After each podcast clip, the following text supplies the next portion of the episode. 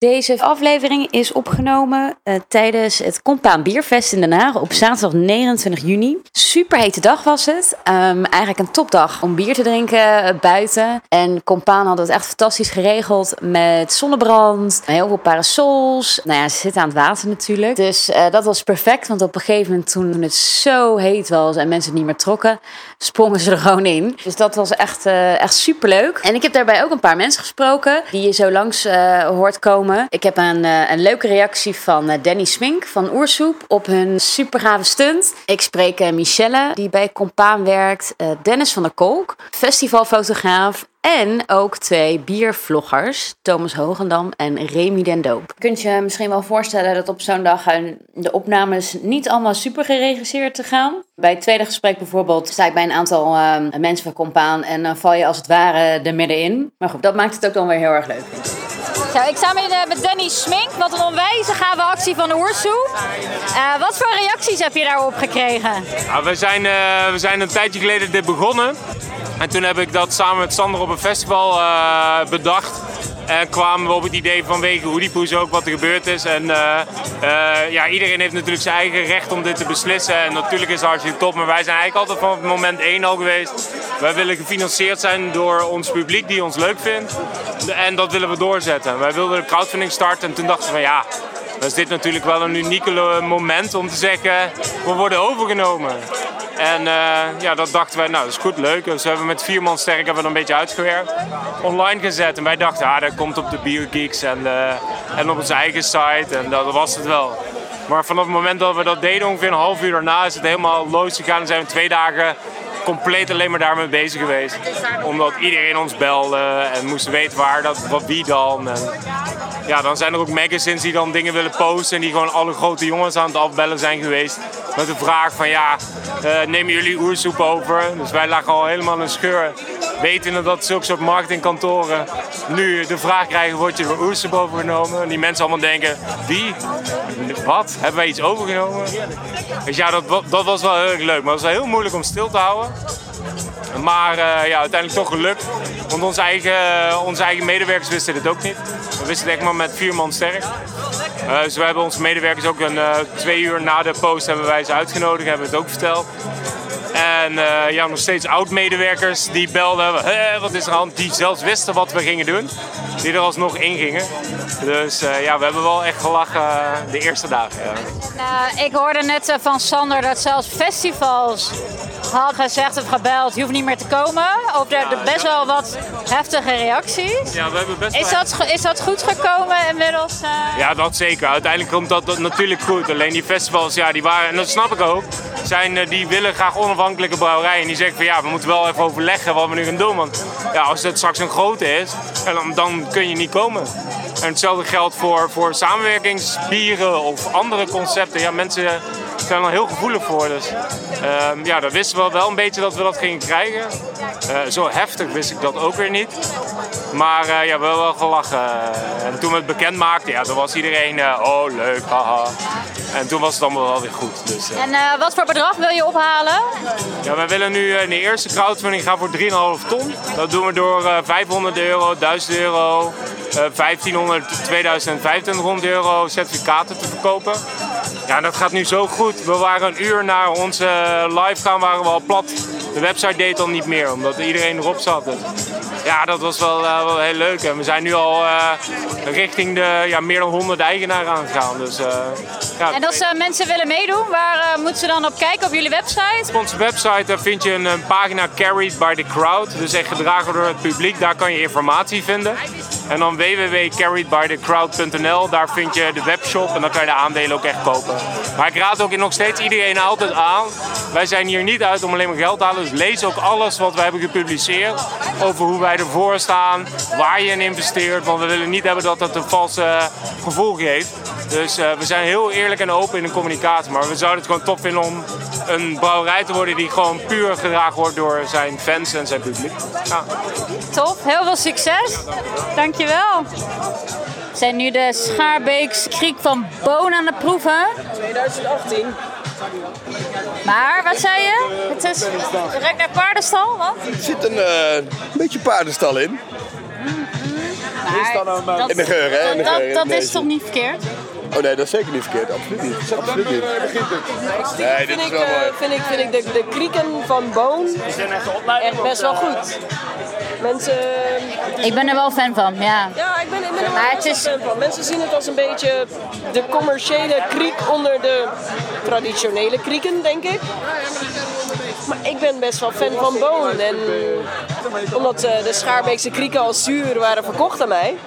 Door Oud Beersel, overigens. Ja. Die eh, bezig zijn aan een eigen krieken boomgaard. Ja. Geen idee of je het een boomgaard noemt. zijn ook best wel schaars. What's in her name? Maar seriously? Nee, dat heb ik wel vaker gehoord. Dat ze echt, die, daar is ook niet zoveel van. Nee, nee absoluut. Dus, eh, nee, Ik vind hem heel lekker. heel, heel mooi. Ja. Maar Michelle, nu ik jou toch even hier eh, voor mezelf heb. Jij werkt sinds augustus bij Compaan. Als ik heel eerlijk ben, ben ik wel een beetje jaloers. Heel gaaf. Eh volgens mij heb je het super naar je zin. Hoe is het? Wat doe je? Hoe is het om voor Compaan te werken? En wat doe je? Ik, eh, ik doe echt iets totaal anders dan wat ik eerst deed. Ik werk nog steeds op een kantoor. Dat deed ik eerst ook. Maar nu werk ik in de, de boekhouding. Of eerder, ik doe de basishandelingen in de boekhouding. Eh, en dat is voor mij echt helemaal nieuw. Dat, ja, dat, dat, dat- ik heb daar ook een... eh, Is dat anders in een brouwerij dan... nou ja, het is, voor mij is het gewoon helemaal nieuw, want ik heb nog nooit de boekhouding gedaan. Dus is het anders in een brouwerij? Dat vind ik moeilijk om te beantwoorden. Ja, Eh, nou kan ik wel zeggen dat als ik kijk naar hoe onze, van mijn oude werk, hoe onze boekhouder in het leven stond en hoe ik in het leven sta. Dit is echt veel sneller schakelen. Dit is gewoon gaan, gaan, gaan, gaan, gaan. Tussendoor, tussendoor dingetjes. Het is, je bent gewoon constant aan. En dat was op mijn oude werk was dat, eh, was dat wel anders. Want hoe ziet jouw werkdag er bijvoorbeeld uit? Het lijkt me super cool sowieso om in deze omgeving te werken. Dat sowieso, dat sowieso. Ehm, nou ben ik wel ook echt, echt een bierliefhebber. Dat is eh, deel van de reden waarom ze me hebben aangenomen. Niet per se omdat ik zo'n goede boekhouder was. Gewoon omdat ik überhaupt nul boekhoudervaring heb. Eh, of had toen ik hier begon. Eh, voor mij was het zo van, ik zei van, "Ah, weet je, ik wil heel graag deze baan en ik ben bereid om daar eh, cursussen voor te volgen, om op die manier ehm, wel in aanmerking te komen voor.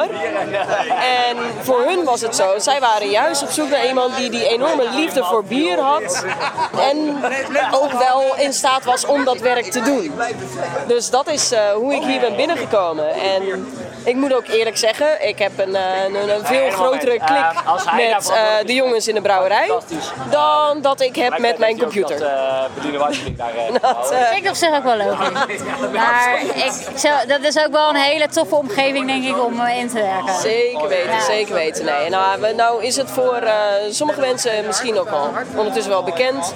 Uh, Compaan is op zoek gegaan naar een nieuwe brouwer. Eh, die hebben we uiteindelijk ook gevonden. Wat betekent dat de oude brouwer, die is weg. Eh, dat was Paolo, een Italiaanse jongen. En daar heb ik, heb ik ook nog steeds contact mee. Dat, eh, plan is ook om...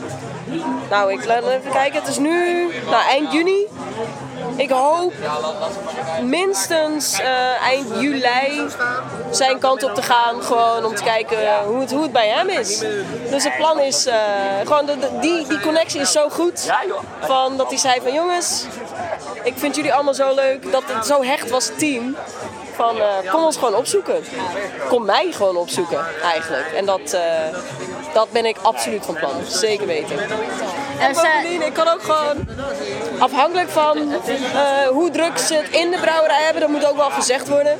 Maar als ze een wat rustigere dag hebben, dan is het heel makkelijk om gewoon binnen te lopen en te zeggen van, eh, of te vragen. Van eh, jongens, eh, wat, wat, wat, wat voor interessant zit er in de tank? Ehm, is er iets wat de moeite waard is om nu te proeven? En nou ja, ze zijn er ook heel eerlijk in, want sommige bieren zijn gewoon echt nog niet klaar. Terwijl andere dan zeggen ze, oh ja, absoluut, pak een glas. hier is de tank. Maar dat klinkt ongeveer zo. Mensen kunnen dat niet zien, maar wel horen. Er ging net een oude geuze open. Met een hele goede knal. Fantastisch. En ik, sta, ik heb me even bij het eh, Compaan eh, clubje gevoegd. beetje einde van de dag. Dus iedereen is lekker aan het eh, relaxen en uh, biertjes aan het proeven. Super gezellig. Mag ik zeggen dat dit festival geslaagd is? Ik heb het erg naar mijn zin gehad, maar ik heb het idee dat het ook een topdag is. Ja, absoluut. Het helpt enorm dat de zon meewerkte.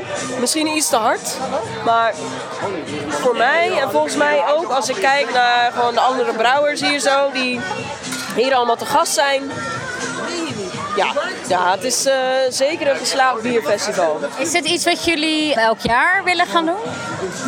Ik denk dat als we uiteindelijk, en dan komt de, de, een beetje de boekhouder in mij naar boven. Als het qua cijfers de moeite waard is. Absoluut. En dan bedoel ik niet eens per se dat we winst hebben gemaakt. Uh, maar op zijn minst dat we kiet spelen. Want ik denk dat dat iets is wat mensen niet altijd beseffen. Uh, een bierfestival, daar maak je niet per se winst op.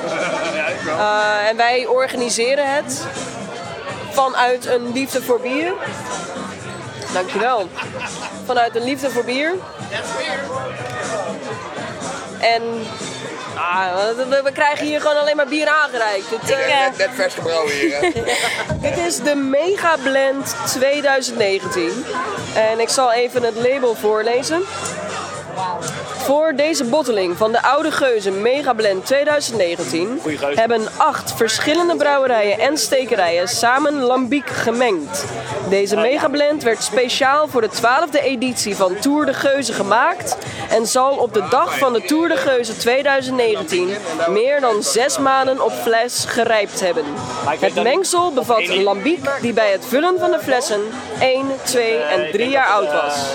En voor deze fles hierop staat tenminste houdbaar tot einde 30 oktober 2038.